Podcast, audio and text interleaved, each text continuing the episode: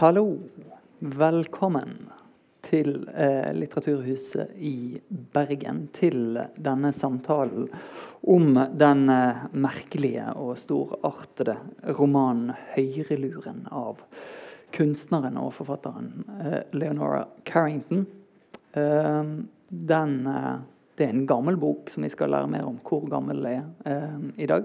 Men den er altså nylig helt nylig oversatt til norsk av uh, mannen som sitter her, Gunstein Bakke.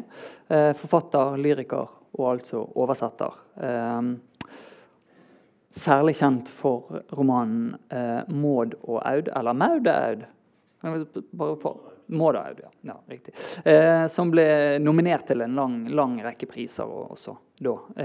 mottok Melsomprisen og EUs litteraturpris. Um, men han eh, er her altså i dag som, som oversetter, og som eh, en av de som da kjenner denne teksten her eh, aller best i eh, Norge. Um, med, eh, I tillegg har vi da eh, den som kanskje kjenner kunstneren Leonora Carrington best i Norge, Susanne Christensen. forfatter, kritiker, redaktør. Um, i dag eh, skriver hun for bl.a. Vagant og kunstkritikk.no og er redaktør da, for Norsk kunstårbok.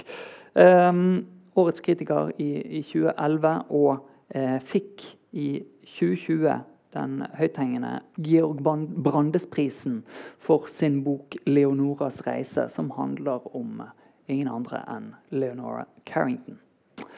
Velkommen til dere. Vi tenkte at vi skulle gjøre det så enkelt at vi uh, går rett på sak og uh, får høre litt uh, av hva denne boken her Hvordan den høres ut når den leses opp. Vil du bare få oss i gang? Det kan jeg gjøre. Da skal jeg lese litt fra ganske tidlig i boka. Og Det som er tilfellet når boka åpner, det er at Hovedpersonen er en 92 år gammel kvinne som heter Marion Leatherby. Og hun bor i Mexico med sin familie, sin sønn, hans kone og deres sønn. Og eh, det som skjer i begynnelsen av boka, er at hun besøker sin venninne Carmella, som eh, gir henne en eh, høyrelur, altså et rør som du setter til høre for å høre bedre. Og i og med at hun får denne, denne, luren, så begynner hun å høre hva familien faktisk sier om henne. Så jeg skal, tenkte jeg skulle lese et lite utdrag fra rett etter at hun har hørt hva de faktisk sier om henne, hvor hun da er skrekkslagen. Tilbake i senga lå jeg i nattrøya mi av ull og skalv med et kuldegys som verka som det kom fra noen andre enn meg sjøl. Først var det en skrekkelig tanke som jeg ikke kunne få ut av hodet. Kattene. Hva kommer til å skje med kattene? Og så Kamella, Hva med Kamella på mandag morgen og den røde høna? Og Hvorfor tror de at de vet at en har det bedre som død? Hvordan kan de vite noe som helst om det? Og å, kjære, kjære Venus, jeg ber alltid til Venus, og er slik ei tindrende og lett gjenkjennelig stjerne. Hva er brorskapen lysets kjelde? Det høres mer skremmende ut enn døden sjøl. En brorskap med bister innsikt i hva som er best for andre folk, og et beinhardt forsett om å forbedre dem enten de vil eller ikke. Og Venus, hva har jeg gjort for å fortjene det? Og hva med kattene? Hva kommer til å skje med Marmin og, Cha-Cha? Aldri kommer jeg til å spinne ulla deres til en kardigan som kan varme knoklene mine. Aldri kommer jeg til å gå med kattull. Trolig vil jeg måtte gå med uniform og klare meg uten ei rød høne som legger et egg på senga mi hver dag. Pint av alle disse grufulle visjonene og tankene faller jeg inn i noe som minte mer om katalepsi enn om søvn. Selvsagt besøkte jeg Camella dagen etter for å dele de skrekkelige nyhendene med henne. Jeg tok med høyreluren ettersom jeg håpet hun hadde råd å komme med. Noen ganger, sa Camella, er jeg klarsynt. Da jeg så den luren på loppemarkedet, sa jeg til meg sjøl den der er nett det Marion trenger. Jeg var nødt til å kjøpe den med en eneste gang jeg fikk et forvarsel. Det er forferdelige nyhender du kommer med. Jeg må prøve å tenke ut en plan. Hva tenker du om brorskapen Lysets kjelde? spurte jeg. Den skremmer meg. Brorskapen Lysets kjelde, sa Camella, er uten tvil noe uhorvelig dystert. Trolig ikke et selskap som meler opp gamle damer til frokostblanding, men noe moralsk dystert. Jeg må tenke ut noe som kan redde deg fra kjevene til lysets kjelde. Dette så ut til å more henne uten noen påviselig grunn, og hun klukka selv om hun var tydelig opprørt. De vil ikke la meg ta med kattene, tror du det? Ingen katter, sa Camilla. På pleiehjem er det faktisk ikke lov til å holde av noe som helst. Tida strekker ikke til. Hva skal jeg gjøre, sa jeg. Det virker så synd å skulle ta livet av seg når en har levd i 92 år og i grunnen ikke forstått noe som helst. Du kunne rømme til Sameland, sa Camella. Vi kunne strikke et telt til deg her, slik at du slapp å kjøpe et når du kom dit. Jeg har ingen penger, jeg vil aldri komme meg til Sameland uten penger. Penger er ei stor plage, sa Camella. Dersom jeg hadde noe, skulle du fått litt. Og så kunne vi lagt inn en ferie på Rivieraen på vei til Sameland. Vi kunne til og med ta en tur på kasino. Ikke engang Camella hadde noen praktiske råd å komme med. Hus er egentlig kropper, vi inngår samband med vegger, tak og gjenstander, akkurat slik vi nødig gir slipp på levra, skjelettet, kjøttet og blodstrømmen. Jeg er ingen skjønnhet, ingen spegel trengs for å forsikre meg om et så uomtvistelig faktum. Like fullt klorer jeg meg fast i denne herja skrotten som var det den skire kroppen til Venus sjøl. Dette gjelder for bakhagen og det vesle rommet som jeg bodde i på denne tida, for kroppen min, kattene, den røde høna, hele kroppen min, alt i hop en del av den tregtflytende blodstrømmen i meg å bli skilt fra disse velkjente tinga som jeg elska, ja, elska, ville være døden og dødens han, som det heter i det gamle verset, en mann med doble bånd. Det fantes ikke noe boteråd for nåla som satt i hjertet mitt med sin lange tråd av gammelt blod. Hva da med sameland og spannet av lodne hunder? Det ville også utgjøre ei klokkeklar krenking av alle de vanene jeg hadde kjær, ingen tvil om det, men kunne knapt vært mer forskjellig fra en pleieheim for utlevde gamle damer. Som altså er det som familien har tenkt å sende henne til. Så det kan jo yes. være en intro der. Og hva skjer så? Eh, og det er jo eh, en bok som da handler om hennes eh, erfaringer på dette pleiehjemmet, som er, eh, er nokså uortodokst. Uh, skal vi si bare sånn, noen korte trekk om, om, handlingen i denne boken? For det er, uh, så vi har noen knagger i, i resten av, av samtalen. Ja, så Hun blir jo da sendt, familien sender henne til denne pleieheimen, som er, som er drevet av noe som heter Brorskapen Lysets kjelde. Men bak dette fagre navnet så skjuler det seg altså en amerikansk produsent av frokostblandinger. Og det som er greia med denne pleieheimen, er at de det er jo et sted altså, Jeg tenker at jeg kanskje foregriper litt og liksom gå inn på tematikken for mye, men i begynnelsen så blir vi presentert for en visjon av familien som er veldig eh, Vi får på ingen måte oppleve kjernefamilien som et sted for empati, glede og kjærlighet. Tvert imot så er det en rent økonomisk konstruksjon som, eh, som bare fins for, ja, for opprettholde sosial status og inngått økonomiske transaksjoner via sosiale forbindelser. Så vår 92 år gamle heltinne er blitt overflødig innenfor denne konstruksjonen. Hun er egentlig bare et hinder for dem. det blir gjort et nummer ut av at hun ser veldig monstruøs ut. altså Hun lever ikke opp til kvinnelige utseendeidealer, heller ikke i framtoning. Hun har skjegg, blant annet, og hun, hun, snakker for mye og hun glemmer poeng. og i det hele tatt. Hun passer ikke inn, så de vil ha henne unna. Og Det hun da kommer til, det er jo en annen type institusjon som, uh, som fins i la oss si, det kapitalistiske samfunnet, nemlig denne pleieheimen. Hvor poenget er å tjene penger på disse her restproduktene som må oppbevares til de dør. Og Det skjer ved at for det første så blir de sultefòra. Og dernest så blir de forsøkt innprenta en metodikk av det paret Gambit som driver stedet. Som handler om å bedrive selvobservasjon og selvkritikk. Altså det er en slags De skal forbedre og utvikle seg sjøl ved å hele tida vokte på seg sjøl og arrestere sine egne tendenser til lastefullhet, grådighet etc. Så Det er liksom den neste fasen hennes, er at hun kommer inn i, det, i, dette her.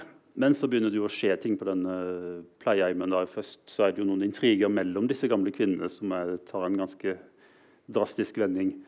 Og så begynner jo på en måte en del av kvinnene der. Og, ja, og jeg må innrømme, når jeg leste den her første, første, gang, så hadde jeg jo Jeg tror aldri jeg har lest en bok som ender opp på et, sted, et sted man så til de grader ikke kunne forvente seg ut fra starten på boka. og da ender det jo Ja, jeg vet ikke hvor mye man skal si om det da. Nei, det, vi får ikke gi vekk, uh, gi vekk alt. Men det, det, det, store Vi kan kalle det store sosiale omveltninger i, i dette uh, Ja, Vi kan i hvert fall si at hun beveger seg fra å være et totalt perifert menneske som blir passert ut i randsonene av de sammenhengene hun inngår i, til å bevege seg over i et fellesskap da, som beveger seg hvor, hvor ting blir omrokert og beveger seg inn mot et sentrum, et nytt mm. sentrum for tilværelsen. rett og slett. Vi kommer nok til å komme litt nærmere inn på, på hva det innebærer også i, i, løpet av samtalen, for vi må, vi må, snakke litt om de temaene som blir eh, aktualisert der. Mm. Jeg kom på at jeg glemte å introdusere meg sjøl. Jeg heter Kristoffer Larsen og jobber med litteratur og lærerutdanning og, og, den slags på Høgskolen på Vestlandet. Bare så det er, er sagt. Eh, men eh, hvis vi går tilbake til, til, utgangspunktet her med denne 92 år gamle damen Hun har noen eh, biografiske eh, likheter med eh, Leonora Carrington. De befinner seg samme sted. De kommer tilsynelatende iallfall fra noenlunde samme, samme, sted også. Men så er det selvfølgelig mye annet som, som eh, skiller dem. Men hvem var Leonora Carrington, og hvordan endte hun opp i, i Mexico? Ja, det er en, det er en utrolig historie. Um, hun øh, ble jo født i den britiske overklasse og øh, var et meget utilpasset barn. Øh, hendes øh, brødre øh, havde lov til en hel del mer end hun. Og øh, allerede da hun var veldig ung, da hun var barn, ble hun jo sparket ut av en, til flere katolske pigeskoler. Så hun var wild, wild flower child. Øhm, og øh, hun hadde jo så en nanny, og for øvrig også hendes mor og hendes øh, bedstemor, som alle hadde øh, en form for irsk, øh, gælisk øh, baggrund. Og så meget av hendes på en måte fantasifulle sånn øh,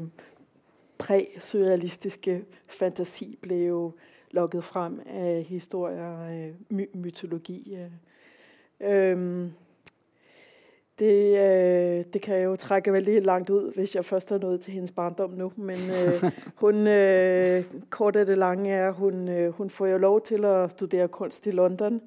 Og øh, den første internationale udstilling af surrealistisk kunst, øh, som er sådan begynder at titte frem i Paris og rundt omkring i Europa, er i London i 1936. Øhm, øhm, da er hun uh...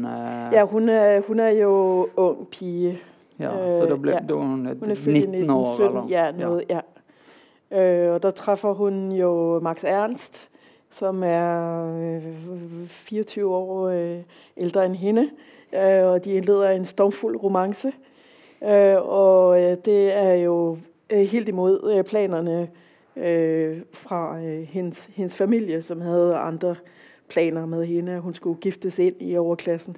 Jeg har binget uh, Downton Abbey i vinter og, og ja. uh, høst og vinter, så jeg ble veldig slått av at hun hadde blitt, blitt introdusert ved hoffet. altså Hatt dette coming out ball. Ja, uh, simpelthen. Veldig strategisk. Mm. Overklassen skulle treffe overklassen, og sød musikk skulle oppstå, og pengene skulle bli innenfor en viss, en viss orden. Så, men øh, hun øh, er jo så i Europa eller i Frankrig på et tidspunkt. Hun stikker af og er jo i Paris øh, midt, hvor Breton og, og Dali og så videre har deres første udstillinger, og alt det her foregår.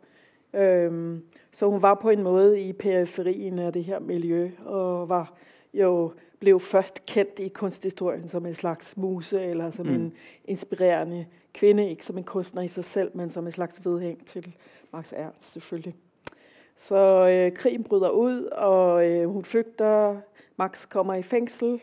Øh, Leonora får et nervesambrudd, flygter, forsøger å flygte gjennom Spanien til øh, Madrid. Øh, og der har hennes far øh, trækker, sidder og trækker i noen tråde, og der bliver hun øh, mod sin vilje. Og sikkert av en omsorgsfuld far, øh, men øh, øh, spadet inde på øh, et øh, sindssygt hospital i Nordspanien. Mm. Og der har hun skrevet en bog, måske min, øh, en af mine favoritter, som er en meget underlig blanding af øh, øh, selvbiografi, øh, første persons fortælling øh, om en indlæggelse øh, og øh, chokbehandling. Mm. Øh, så øh, det romantiserede billedet af sindssyge og så videre, som Breton og surrealisterne på en måte forestiller seg at, at vanvittigt er en portal inn til en ny spennende verden. Så lever Leonora en form for øh, brutal øh, øh, erfaring igennem, som ikke er så øh, forhåbningsfuld, men som hun på en måte stadigvæk beskriver i en form for øh, magisk lys, selvom at det, så det er en pussy øh, blanding av øh, øh, magi og, øh, og veldig hård øh, altså, man er ikke i tvivl om, at det, at det er veldig svær, mm. ubehagelig behandling, hun gennemgår. Og dette er i 40 Ja. Altså, men under krigen? Ja, det er i krigens øh, Det er under krigen, ja. ja de, første, de første årene av, av krigen? Ja, det er det. Ja. Og øhm, hun øhm, Ja, altså i could go on. Øh, jeg vet ikke hvordan, men kort og det lange er, øh, hun øh, flygter jo, etter hun har været der øh, i øh, ganske lang tid, et års tid, flygter hun, og alle folk treffer hinanden i Lissabon, og øh, der er stor panikk i forhold til å få papirer, så man kan komme ut av Europa, og papirer, så man kan komme inn i USA eller på flugt, og nazisterne er ved å flyge, fly, øh, rykke inn gjennom øh, Frankrike og Spanien og Portugal. Så der treffer hun øh, jo Max Ernst igjen, øh, som nå er blevet kæreste med P.G. Guggenheim, den store kunstsamler. Um, det var ikke bare den engelske overklassen som var strategisk? det var det ikke, nei. Peggy, PG, PG var strategisk, og tror jeg, det kan man... Det er en veldig god observation, Absolutt, Kristoffer. det vil jeg si. Um, så, øh, så hun, øh, de kommer til New York, og øh, der blir Max jo superstjerne, og Peggy har galleri og så videre, og, um, og Leonora har jo giftet seg, men øh, det har igjen noe med, til dels noe med papirer og... Ja, det ble, ble omtalt som et, uh, et, uh, et såkalt et ekteskap for, for å sikre hun innreisepapirer. Ja, Øh, øh, jeg tror, hun var veldig glad for å se Renato igen. Uh, Renato Leduc, som hun giftet seg med, så var en meksikansk diplomat. Hun hadde truffet tidligere i Paris. Så jeg tror, der var en del omsorg og glæde og vennskap. Bekvemmelighetsekteskap heter det. Ja, ja litt, litt mm. tror jeg. Uh, der, der var i hvert fall mye panikk og papir og øh, øh, angst for, øh, hva der skulle ske.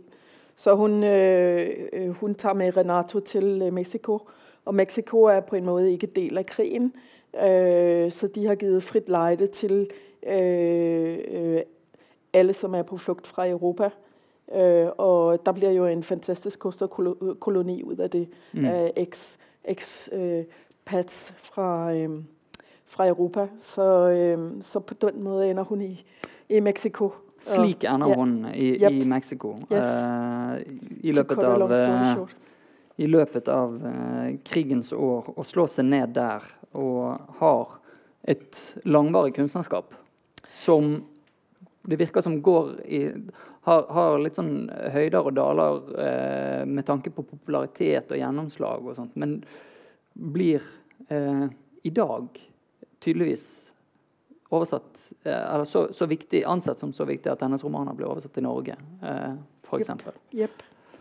Altså, det er jo sånn kunsthistorien øh, virker. Øh, hun var en av de siste var, man sier hun var den siste av de opprinnelige surrealister, mm. der døde. Hun døde i 2011, hun var født i 1917, så hun var jo øh, hun var på alder med øh, Marianne Leatherby, kan man sige, i begyndelsen af, af 90-tallet. Øh, og øh, øh, så den spændende historie om øh, hendes kunstnerskab begynder i Mexico på mange mm. måder. Øh, og den del av historien er vi først ved at catche opp på nu. Mm. Så i første omgang var hun et vedhæng til den heroiske fortælling om øh, de parisiske surrealister. I anden omgang, øh, der hvor vi sidder nu, er det mm. hendes eget kunstnerskab, som på en måde kommer til overfladen og bliver genopdaget. Hvad er det, som kjennetegner øh, det kunstnerskabet? Ja, øh, hun Altså, du mener hendes eh, billede eh, Ja, hvis vi kan kort berøre billedkunsten. Vi skal snakke mer om boken. Mer, jeg lover. Ja, det er jo et, øh, et øh, opløftet øh, landskab. Øh, fantastiske figurer. Øh, hun var meget inspireret av en bog, som hedder øh, The White Goddess, øh, og arbeidet videre med øh, inspirationen fra mytologi. Så øh, øh, hybridvæsenet. Øh, mm. øh, at øh, en ting som en stol kan have hænder og fødder. Øh, et dyr er også et menneske. Et menneske er et dyr. Øh, så de her forflytninger og hybride øh, væsener og på en måde øh, lejen med øh, øh, det levende, det materielle og det immaterielle. Øhm, og øh, hendes interesse for at sætte dyret øh, eller hybridvæsenet i centrum. Så The White Goddess, øh, som er egentlig er en, ja altså det er jo øh, vældig kort fortalt, men øh, man kan sige, at hun havde store problemer med den institutionaliserede religion, altså mm. det katolske pigeskole og så videre til Øh, jeg tror også, det er noget af det, hun føler omkring plejehjems institution, sindssyge institution. Øh, dybest set også korsetlejr og fængsel og alt, hvad nazisterne bød på. Øh, så hun er anti-institutionel mm. og øh, pro øh, en form for øh, mytologisk øh, forestilling om, at der er en, en kvindelig orden eller en matriarkat, som er blevet fortrængt fra verden og så mm. The White Goddess skal komme tilbage for at redde os alle sammen fra, fra patriarkatet. Mm. Så øhm, The White Goose øh, eller The White Fish øh, er ofte central i billederne. Øh, the White Goose, The White Goddess, hun leger med ord på en måde. Mm. Og øh, der er et fantastisk billede, som hedder The Last Fish, som er også er et hvidt dyr, en, en hvid fisk. Øhm, så, øh, øh, som, som ligger i et meget tørt, tørt landskab. Så hun er økofeminist, eller hun, hun har en forestilling om, øh, som også er veldig tydelig i, i høreluren, om øh, form for, for, for ecocide, altså at vi, vi går imod en form for økokatastrofe, mm. øh, og at vi bør øh, være på dyrenes og planternes side og på de øh, vesener som ikke klarer å artikulere seg. Så, øh, mm. Siden du har, har tatt det opp, så kan vi eh, begynne der. Altså, for det er jo et eh, fascinerende Denne her tidlige eh, interessen for Altså ja, det å være på, på dyrenes side og mm. eh, det økofeministiske perspektivet der en knytter eh, kvinnelighet, eh, ideer om omsorg og sånt, til ideer om den rene naturen og eh, eh dyrene som eh, noe ikke-menneskelig, men som har egenverdi osv. Sånn.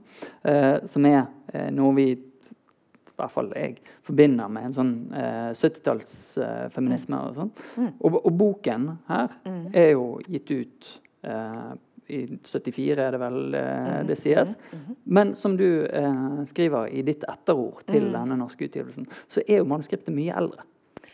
Ja, øh, ifølge forskerne så øh, er den skrevet på 1950-tallet. Det vil sige, at den er...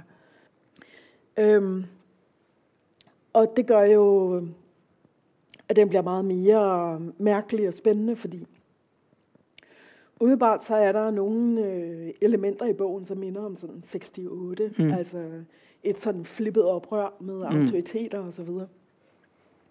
og hvis bogen, øh, som det står alle steder, er fra øh, 74, så, øh, så forstår man jo godt, hvor hun har det fra. Mm. Men hvis den er skrevet på 50-tallet, så, øhm, så blir det noe helt annet. det noe helt annet. Ja. Ja.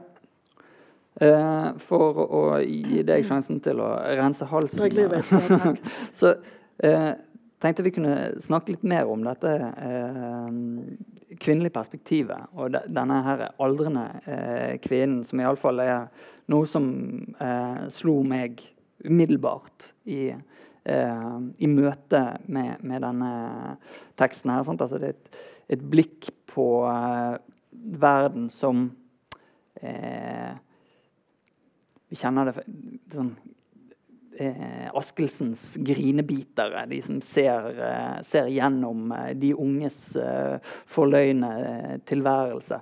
Men så er det eh, noe som tilføres, opplever jeg, ved at det også er, det er den eldre kvinnen her som gir eh, hva skal vi si, fullstendig faen i eh, hva omgivelsene hennes eh, eh, mener og, og, og syns om henne.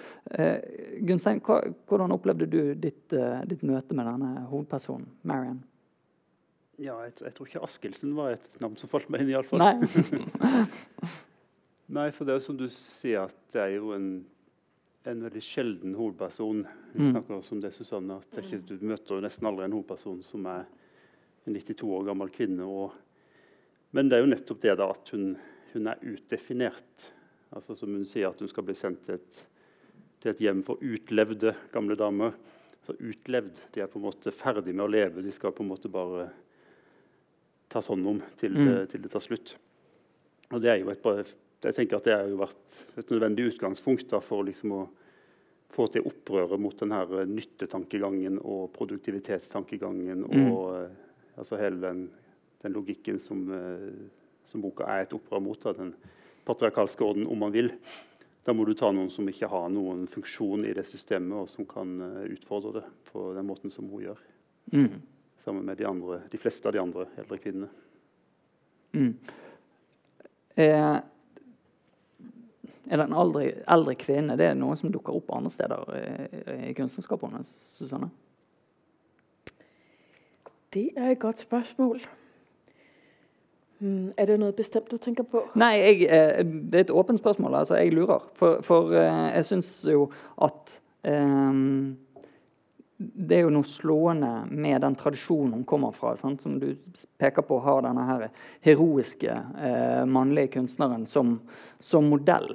Eh, og hvordan denne boken her eh, i, i så stor grad bryter med eh, med det idealet da, ved å gjøre disse eldre kvinnene til ja, den historiske kraften, da, på en måte. Ja, altså hun, hun hadde jo meget esoteriske interesser og var av alt slags. Hun på en måde New Age før New Age. Mm. Hun var økofeminist før økofeminismen og så videre, så videre. Hun var øh, 68 øh, øh, ungdoms, med på ungdomsoprøret før ungdomsoprøret. Øh, så, øh, så der er noe underligt. Øh, så øh, øh, hun kom jo i et slags, kan man si, øh, heksefællesskab i, i Mexico. Øh, hun mødte, mødte noen altså ikke, ikke øh, bogstaveligt talt, men hun mødte øh, andre kvinnelige kunstnere, bl.a. Remedios Varo, en spansk kunstner, og øh, en øh, ungarsk øh, kunstner, Katia Hona. Så øh, man kan si at den maskuline øh, surrealisme i Paris var fortid, og hun var i kunstnerfellesskap av veldig kompetente kvinnelige kunstnere. Mm. Og Og de- blir også sentral i feminismen, sånn som den vokser frem i Mexico. Ja, hun, øh, hun har øh, forskellige planer om å starte sånn et, et kvinnekollektiv. Um, øh, og øh, det, er, det er ikke en historie, der er særlig godt belyst. Hun, Mm. hun var ikke en, som øh, lagde tydelige spor efter seg. Også bøgerne er, teksterne er på en måte skrevet på fransk og øh, publiseret i en mærkelig journal og Øh, nogle manuskripter er forsvundet undervejs, mens hun har rejst, og, så hun har ikke været sin egen PR-agent, eller hun har ikke taget vare på sin egen øh, kunst. kunst. Øh, så øh, meget af det øh, er... Øh, forskerne klør sig stadigvæk i hovedet for at, at sætte, øh, øh, sætte sporene efter hendes liv sammen. Mm. Så, øh, men øh, de kvinnelige fællesskaber øh, i Mexico, det er jo samtidig, hvor Frida Kahlo er. Mm. Øh, hun var... Øh, øh, hun sier selv, at hun øh, havde, var stået på god fod øh, med Carlo Kahlo og traff henne i hendes studie, og de snakkede om malerkunst osv. Men de var nok ikke alligevel bedste venner. Det eneste, vi ved, er, at det var noe nytt for øh, Frida Kahlo og hennes øh, gang, liksom, at der kom alle de her øh, kunst, kunstnere, øh, på en måte kunstnerkoloni fra Europa. Mm. Øh, så hun ble jo citeret igjen og igjen for å ha skrevet i et brev, Those European bitches. så, øh, men ja, så hun var nok litt territorial på den måten, men vi håber... Øh, så de blev ikke bedste venner, men hun fandt jo blandt andet frem til en, øh, en sjæleven, øh, og det er næsten umuligt at Altså, hvis man ser Remedios Varos øh, kunst øh, ved siden af Leonora Carringtons, så øh, de er øh, definitivt langt inde i et form for slægtskab, øh, hvor øh, de øh, næsten deler det samme billedunivers. Mm. Så. Um, mer om dette her uh, Altså kampen med det maskuline. Du snakket, Gunstein, om eh, dette her prosjektet til eh, den ideologiske ledelsen ved pleiehjemmet mm. om, om, selvovervåkning og kampen ja. mot, eh, mot, lastene. Og, um, og, det er ikke bare kampen mot lastene, det er også kampen mot personlighet. Ja, men primært så tenker jeg at den funksjonen som den metodikken tjener, da, mm. det er jo å sørge for at hver enkelt på et klassisk nevrotisk vis blir sittende og betrakte seg sjøl og klandre seg sjøl og hele tida skulle drive og rette på side ved seg sjøl. Mm.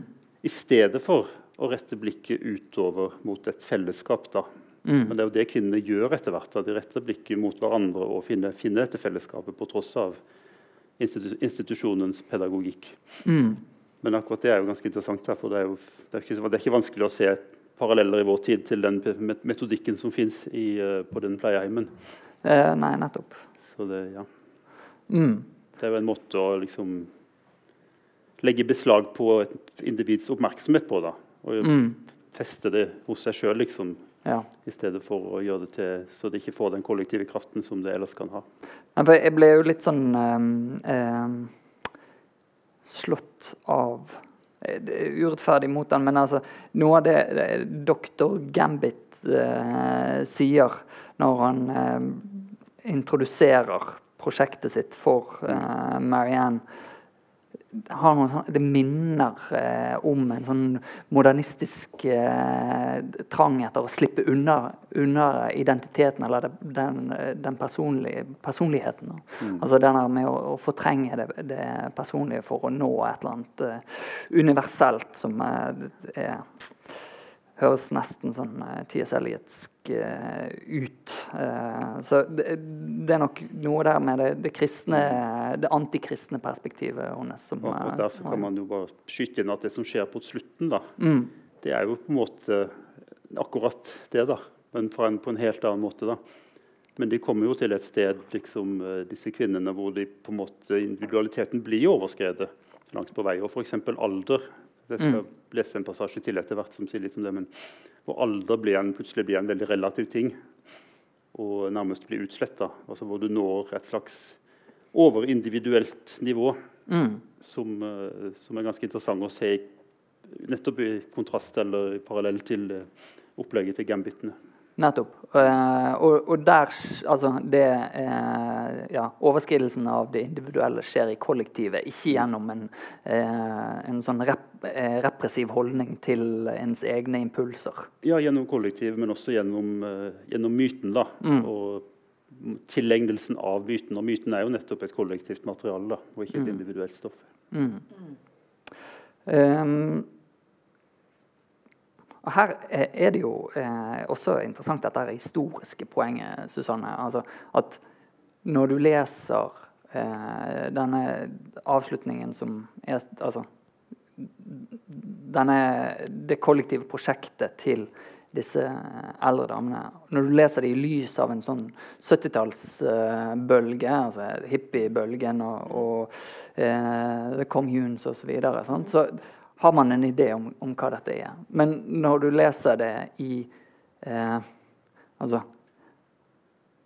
Som noe som er skrevet på 50-tallet i i, helt i, i, skyggen av uh, andre verdenskrig.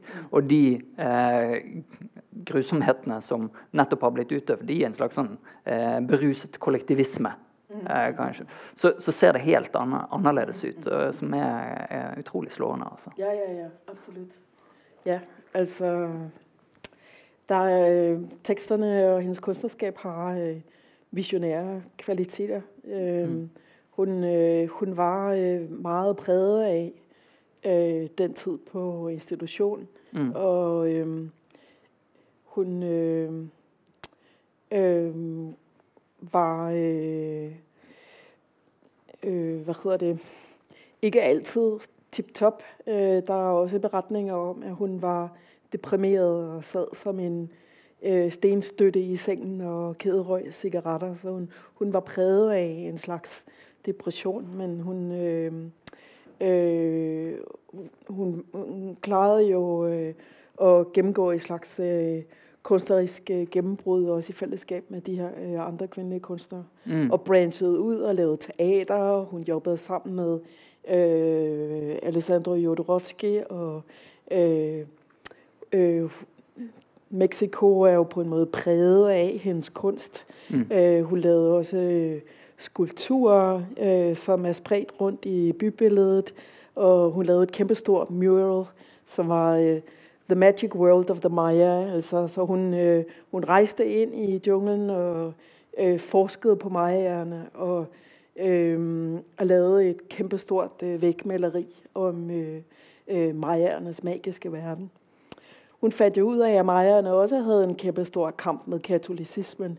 Det var jo konkvistadorerne, der kom og, og øh, indførte katolicismen.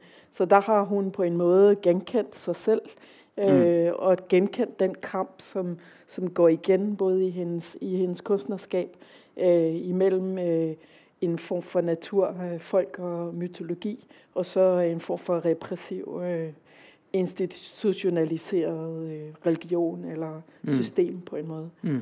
Så øhm, øh, hun fant et slægtskab og var, altså hun bare, hun lavede på en måte hybrider ud af øh, Kabbala og tarotkort og hvad som helst. Typisk mm. New Age.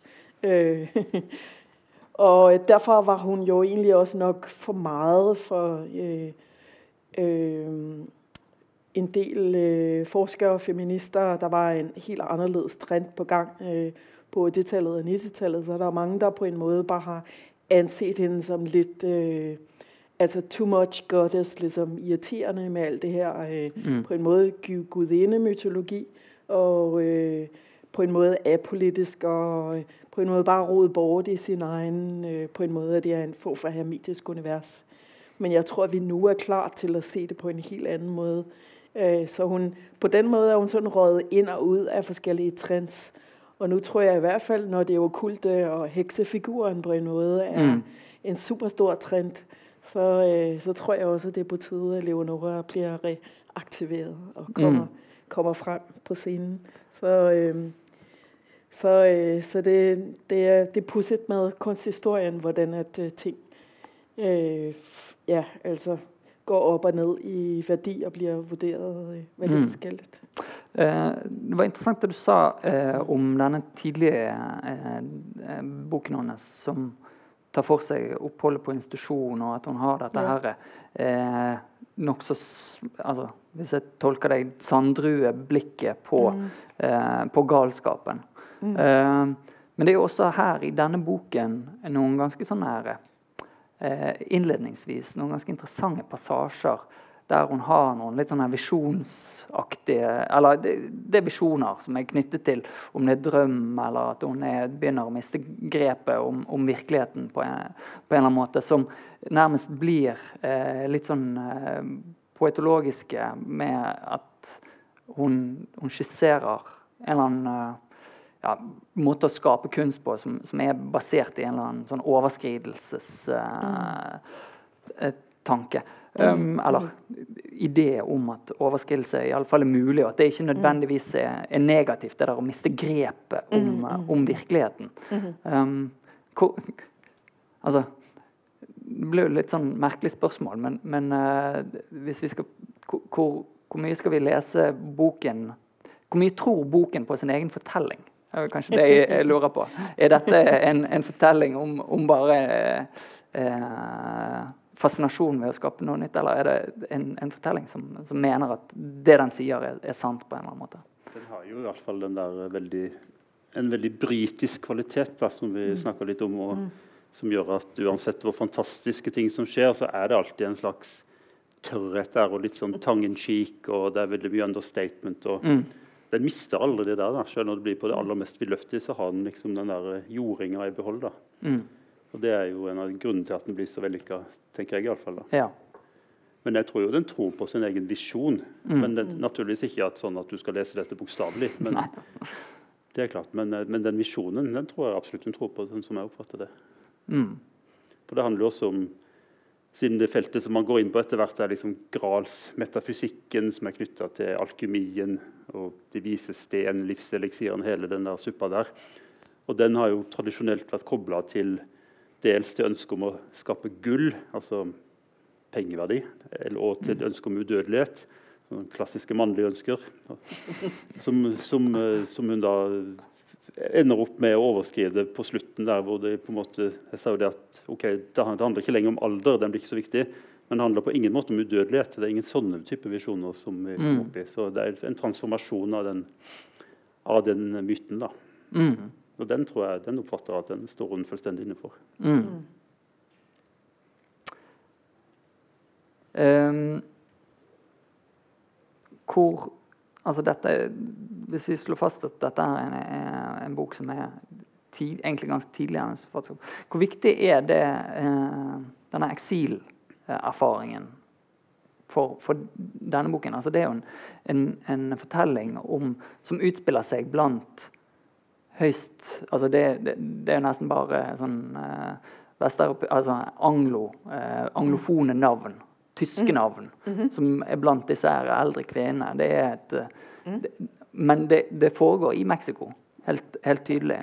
Denne her ekspertmiljøet, Eh, miljøet. Eh, hvor, hvor, sentralt er det for å forstå eh, den boken? Det tror jeg definitivt. Altså, på den måten er det pussig med henne at det selvbiografiske er aldri langt vekk, samtidig med at det er så langhåret, altså øh, fantastisk som det er. Mm. Så øh, som Gunstein også er inne på, at der er en utrolig interessant balanse imellom øh, det jordnære, det tørre og det fantastiske, som også gør, at det blir øh, til å holde ut. For det har ikke nødvendigvis øh, været min favorittsjanger. Jeg har ikke kastet meg over Isabel Allende og øh, magisk realisme og fantastisk litteratur. Og vi har også vært et helt annet sted med en mere øh, jordnær øh, litteratur i lang tid. Mm. Men øh, øh, det er på en måte at hun balancerer noen elementer fra sitt eget liv. Mm. Øh, og jeg tror også, at det er helt reelt det her med, at hun... Øh, hun synes, det er for varmt i Mexico. Hun drømmer på en måte stadigvæk om England, hvor det regner og så videre. Men så kan hun alligevel ikke holde ut at det er England. Hun vil ha. et landskab med sne. Mm. Og så blir hun helt besatt av øh, Sameland, som hun kalder det. Ja. Sápmi. Sapmi. Øh, så øh, på en helt øh, vild måde, så kommer jo øh, Sameland ind til slut, hvor Men, øh, jorden jo vidderligt også går men det, under på mange måder, ja. og polerne skifter plads. Det vil sige, at hun kommer til sit drømmeland, som er Sameland, et land, som er snelandskab, et winter wonderland. Øh, jeg kan ikke rigtig, I må læse bogen for at finde ud af, hvordan vi når dertil. Men det skjer men- også litt via H.C. Andersen, som Ja. er fascinerende. S- The Snow Queen. Ja, Ja, der er en, der er en øh, reference til uh, Snødronningen, Mm. Uh, som også er helt Altså, du blir helt øh, Du får litt sånn uh, tårer i øynene. og hvordan pludselig, altså jeg mener, du læser den her bog, og du bare blir helt koko, og så dukker H.C. Andersen opp i det hele. Altså det Mm. ligesom a gift that keeps on giving, altså det er så uh, utrolig overraskende. Men Det var veldig interessant det der som du skriver om i essayet ditt, om hennes forbindelse med den der samiske kvinnen, og, Ja. og den uh, linken der, liksom. Ja, hun ble uh, meget gode venner med uh, en, øh, en forsker, en økofeministisk forsker i Kalifornien, som heter Gloria Orenstein, som også har en prominent plass i min bog. Jeg var i Los Angeles og intervjuet Gloria. Og øh, Gloria var øh, i kontakt med øh, den norske politiker Berit Aas, øh, som ville øh, bygge, starte et studie i økofeminisme.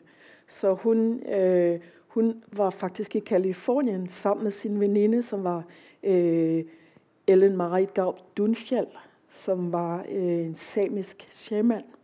Øhm, og øh, så det var egentlig ikke Leonora, der ble venner med øh, Ellen Marit, men det var Gloria, som ble venner med, Ellen, meget nære venner med Ellen Marit, og på en måte så via Gloria, som var jo Leonora forsker og nær veninde, de rejste til Paris sammen, Gloria og Leonora. Øh, et andet venskap er jo så øh, Gloria og Ellen Marit, øh, som gjorde, at der blir et enormt spennende og merkelig link mellom surrealisme og også urfolksmytologi og Mm. det magiske, og en, en kobling mellom Leonora og på en måte øh, shamanisme og samisk mytologi. Det er far out, altså. Og, Så det var der, jeg ble nødt til å ende min bog ved å bring it back to Norway, liksom. ja, Ja. nettopp. Og, og nå eh, har jo da eh, Sápmi og den samiske kunsten hatt eh, noen år av eh, der med stadig større bevissthet omkring dette, og særlig i norsk kultur så har dette særlig blitt aktuelt innenfor eh, for eh, kunstfeltet. Eh, og nå viser det seg at Leonora Carrington eh, skal, En av hennes bøker gir altså navn til eh, den nye Venezia-binalen, fortalte du meg eh, nettopp. Og det er jo noe fascinerende med disse her tingene som eh, Det er noen trender i tiden rett og slett som drar i, i, i samme retning, eller som ting, ting sammen, sammenfaller på, på pussig vis. Absolutt. Der er masser af Leonora-planer, øh, og hun boomer, selv om hun har vært i graven i, i årevis. så øh, blir hennes malerier jo solgt for større og større summer, og der er retrospektive udstillinger på Mm. mm. og en uh, biopic, altså en uh, tysk instruktør er i gang med å lave en, uh, en film om Leonora. Så, um, og som du sier, Venezia Biennalen har oppkalt uh, dette års øh, Milk of Dreams, som er en av Leonoras korte historier eller noveller. Mm. Så øh, hvis man ser, hvordan det går med Leonora nå, altså, så er det opp, opp. Altså, det er høykonjunktur for, mm. For Leonora-aksjene øh, på nåværende tidspunkt. Så. Men det er ikke kun hende. Altså, øh, der har jo været også i Skandinavien og alle mulige steder en stigende interesse for øh, beslægtede forfattere og kunstnere som Mm. Unika Syren og Claude Cahun. Mm. Og øh, så det er jo øh, de øh, kvinnelige surrealister, øh, som på en måte blir Øh, Ja, og andre mystikere. Hva er det hun svenske heter? Eh, ja, Hilma Anna. Ja. Som også kan på en måte iallfall kobles litt til. Det er noen, Ja. noen, noen likhetstrekk. Det der. Eh, fascinerende. må snakke litt avslutningsvis om denne her, eh, altså, surrealismen, surrealismens konjunkturer. For, på meg så har surrealismen vært plakat, plakater mm. eh, mhm. som eh, henger på sånne studenthybler. Eh, jeg, har, jeg, har, ikke tatt det så veldig uh, alvorlig. Gunstein, surrealistisk diktekunst, har det vært uh, noe du har forholdt deg til? Nei, det kan jeg ikke si at det har. Men jeg har vært ganske Jeg har forholdt meg litt til denne Alejandro Hodorovskij, som ble nevnt tidligere. som jeg har primært eller jeg har forholdt meg til filmene hans. Han er en, en, en meksikansk, chilensk, jødisk filmskaper og tegnefilmskaper som fremdeles er aktiv godt over 90, bor i Paris, og som som da lærte av Susanne, så, så han jo, var han jo faktisk trollkvinnens læregutt. Han gikk i lære hos Leonora Carrington. Mm. Og han er helt fantastisk, syns jeg. Han, eh, de filmene anbefaler jeg til alle. Mm. Det er vel eh, min primære befatning hvis vi definerer den som surrealisme. Da. Kan, mm. Mange andre ord man kan bruke om den også. Mm. Hvordan har det vært for deg, Susanne? Nei, det er jo kitsch. Altså, øh, det, øh, og præcis som du sier, at det var måske noe som min lille teenagehjerne kunne forstå var kunst, fordi det var øh, et, et merkelig univers osv. Eller har de her Salvador Dali reproduktioner på væggen ved siden av Duran Duran og så videre. Øh, og øh, så, så øh, det er ikke noen passion, jeg har taget med meg, men øh, tanken om øh, hvad hedder det, øh, automatskrift og så videre, mm. var jeg vel opptatt av langt opp i, øh, i 90-tallet. Øh, men, men jeg, øh, øh, jeg knytter det til øh, sådan ungdomlige, og så øh, er det jo på en måde så massivt øh, optaget nu i kulturen, at mm. øh, du kan ikke læse, se en reklame fra Rema 1000, uden at der er et eller andet øh, reference til Dali, eller mm. en eller anden, øh, ligesom mm, et opløftet univers er på en måde blevet reklamesprog. Mm. Så, øh, så, øh, så det er ikke noget, altså man kan sige, at en branch eller en gren i surrealismen, som, som er helt modsat Leonora, for eksempel som Merritt Oppenheim, altså det som egentlig kan kaldes konceptkunst, altså den her tekop med pels for eksempel, det er sådan en øh, vild idé på en måde. Det er veldig sådan konceptuel. Man siger jo, der er nogen, der påstår, at Merit Oppenheim kom lidt før Marcel Duchamp i forhold til at opfinde konceptkunsten. Så den, øh, den har jeg levet strålende og er stærk øh, i, i konstitutionen i dag. Øh, men mm. øh, alt det her, øh, øh, som altså det mytologiske univers. Det esoteriske. Ja, det esoteriske. Nej, det har ikke været trendy, men jeg tror, det, det har forandret seg litt nå. Mm. Uh, du har alltid fingeren på pulsen, så det tror jeg er riktig. Og det ser vi jo nå med eh, hvordan din bok eh, kom akkurat på riktig tidspunkt, rett før det eh, tok av. Eh, vi, vi, nærmer oss slutten. Um, for å ta oss ut, vil du lese litt til, Gunstein? Ja, jeg kan lese litt. Ikke helt fra slutten, men ikke så veldig langt fra. Ja, nå er vi på en måte fremdeles på stedet der pleieheimen har vært, men den er blitt jevna med jorda i en total katastrofe. Så nå skal, nå skal vår heltinne ned i jorden.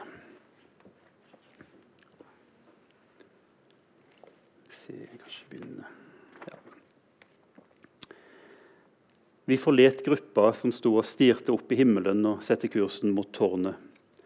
Alt hadde stilna, over oss samla skyene seg for å la det snø enda mer. Dotter av røyk kom ut av den store rivna medan vi nærma oss, og jeg trodde kanskje det brann der inne. Vi kom oss inn via døra som jordskjelvet hadde skrelt av hengslene. Ei sterk lukt av svovel og brennestein hang i lufta. Opp eller ned? spurte Kristabel da vi vel var kommet innafor. Ei vindeltrapp førte opp til toppen av tårnet. Flere av trinnene hadde smuldra bort, og gjennom den store rivna i veggen så vi nattehimmelen som skya til.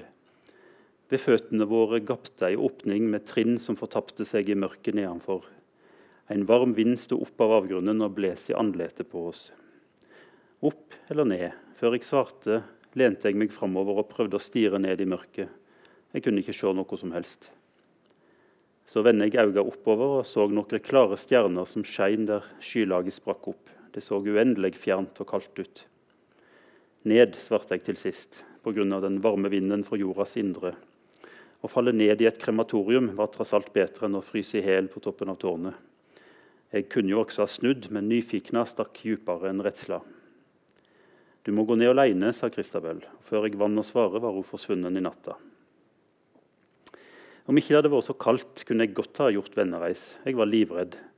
Nett da kom en kjølig vind og fant veien inn under kåpa mi, og dette fikk meg til å begynne å gå ned steintrappa, rett nok svært langsomt.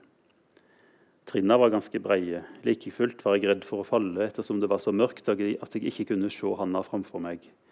Men ved å famle meg fram i blinde fant jeg murveggen og stødde meg til den medan jeg gikk videre nedover. En god stund førte trinna rakt nedover. Så kom vi til en skarp sving der veggen var avrunda og glatt, som om mange hender hadde følt seg fram langs med den, nett slik mi han gjorde nå. Idet jeg forsiktig tok meg rundt svingen, veik mørket for et flakkende skjær som likna gløden fra et bål. Da jeg hadde gått videre om lag 20 steg nedover, kom jeg ut i en lang gang som åpna seg mot et svært, rundt kammer som var hogd ut av berget. Takhvelvingen, som var svakt opplyst av elden i midten av kammeret, ble stødd av utskårne søyler. Ellen sprang rett ut av et hullrom i klippegulvet og virka ikke som den trong noe brensel. I den bortre enden av gangen førte ei siste trapp ned til det store, runde kammeret. I bunnen av trappa kjente jeg lukta av svovel og brennestein. Grotta var like varm som et kjøkken. Ved sida av flammene satt ei kvinne og rørte rundt i ei diger jerngryte. Hun virka kjent, sjøl om jeg ikke kunne se ansiktet hennes. Noe med klærne og det bøygde hodet ga meg en kjensle av at jeg ofte hadde sett henne før. Da jeg nærma meg bålet, holdt kvinna opp med å røre og reiste seg for å ta imot meg. Da vi sto andlet til andlet, kjente jeg hvordan hjertet mitt gjorde et krampaktig sprang før det stoppa. Kvinna som sto framfor meg, var meg sjøl. Sant nok var hun mindre krumbøyd enn jeg, og virka derfor noe høyere. Hun kan ha vært 100 år eldre eller yngre, hun hadde ingen alder. Anletsdragene hennes var de samme som mine, bare at uttrykket i dem var mye muntrere og smartere. Øynene hennes var verken matte eller blodskråtne, og hun førte seg lett og uanstrengt. Det tok si tid før du fant veien hit. Jeg var redd du aldri skulle komme, sa hun. Jeg klarte bare å nikke og mumle. Alderen tyngde meg som ei bør med stein. Hva er dette for en plass? klarte jeg omsider å få fram medan jeg ristet hele kroppen. Knea kjendes som om de når som helst kunne gi etter under vekta av meg. Dette er helvete, sa hun og smilte. Men helvete er bare en viss terminologi. I Røynda er dette verdens livmor, som alle ting stammer fra. Hun tagde og så forventningsfullt på meg. Jeg skjønte at hun gjerne ville at jeg skulle stille henne spørsmål, men hjernen min var treg som ei djupfrosen lammesteik. Et spørsmål faller meg inn, og selv om det virker absurd, setter jeg ord på det. Hvem ville jeg ha møtt dersom jeg hadde gått til toppen av tårnet? Hun lo, og jeg hørte min egen latter runge, selv om den aldri ville ha låtet like muntert. Hvem veit, kanskje en skare med engler som spiller harpe, eller kan hende julenissen? Nå begynte spørsmålet å ta form i hjernen min, det ene mer tåpelig enn det andre, og de spurte ikke meg om lov til å bli stilte. Hvem av oss er egentlig jeg? spurte jeg høyt. Det er noe du først må avgjøre, sa hun når du har bestemt deg, skal jeg fortelle deg hva du må gjøre. Vil du kanskje at jeg skal avgjøre hvem av oss som er jeg? spurte hun. Og jeg syntes to virka så mye smartere enn meg at jeg svarte med hås røyst. Jo takk, vil du være så vennlig å ta avgjerda, Jeg er ikke like klar i toppen som jeg bruker i kveld. Hun mønstra meg fra topp til tå og siden fra tå til topp, med nokså kritisk blikk, syntes jeg, før hun til slutt sa, helst til seg sjøl gammel som Moses, stygg som Sett, seig som en skosåle og knapt mer hjerne enn ei høne. Men kjøtt er mangelvare, så hopp oppi. Hva? sa jeg og håpte jeg hadde misforstått. Hun nikka alvorlig og pekte på jerngryta med den lange tresleiva. Hopp oppi suppa, det er dårlig med kjøtt på denne tida av året. Jeg sto stum og forskrekka og så på medan hun skrelte ei gulrot og to lauker som hun kasta oppi den dampende kjelen. Noen ærerik død hadde jeg aldri forestilt meg at jeg skulle få, men å ende mine dager som kjøttsuppe var heller ikke noe jeg hadde regna med. Det var noe uhorvelig skremmende over den litt uvørende måten hun skrelte grønnsakene på. Grønnsaker som skulle få meg til å smake mer. Så gav hun seg til å slipe kniven mot steingulvet før hun kom mot meg med en vennlig smil. 'Du er ikke redd vel', sa hun. 'Ingen grunn til det. Dette er over på en blunk, og dessuten var det jo de egen avgjerd. Det var vel ingen som tvang deg til å komme ned hit.' Jeg prøvde å nikke og komme meg bort på samme tid, men knærne mine skalv så sterkt at i stedet for å bevege meg mot trappa, ble jeg fanga i en slags krabbegang og havna stadig nærmere gryta. Da jeg godt og vel var innenfor rekkevidde, greip hun brått den spisse kniven og støtte den i ryggen på meg, og med et smerteskrik hoppa jeg rett opp i den kokende suppa, der jeg stivna i en øyeblink av intens pine sammen med mine liingsfeller, gulrota og de to laukene. Der kan vi jo forlate henne. Tusen takk, Gunstein. Tusen takk, Susanne. Før eh, vi tar eh, avskjed, så vil jeg minne om at eh, den eminente boksalongen i etasjen under selger både denne boken i flere, både norsk og engelsk utgave kan jo kjøpe den norsk for syns skyld i dag, da. og Susanne Christensens 'Lenoras reise'. Eh, tusen takk for at eh, Jeg kan legge til én ting. Ja. Hvis noen leser denne boka liker den og har lyst til å lese en bok som jeg tror må være inspirert av den, så kan man lese Olga Tokarczuks 'Styr din plog over de dødes ben'. For Tokarczuk har jo vært veldig opptatt av Carrington har skrevet forordet til en av de engelske utgavene. Ja. Mm. Og der møter man det tenkte jeg kom jeg ikke på i sted, men der møter man en gammel kvinne som tar opp kampen med patriarkatet i en helt annen del av verden. Mm. så det jeg nevnte. Yep. Strålende. Enda bedre avslutning enn min. Takk.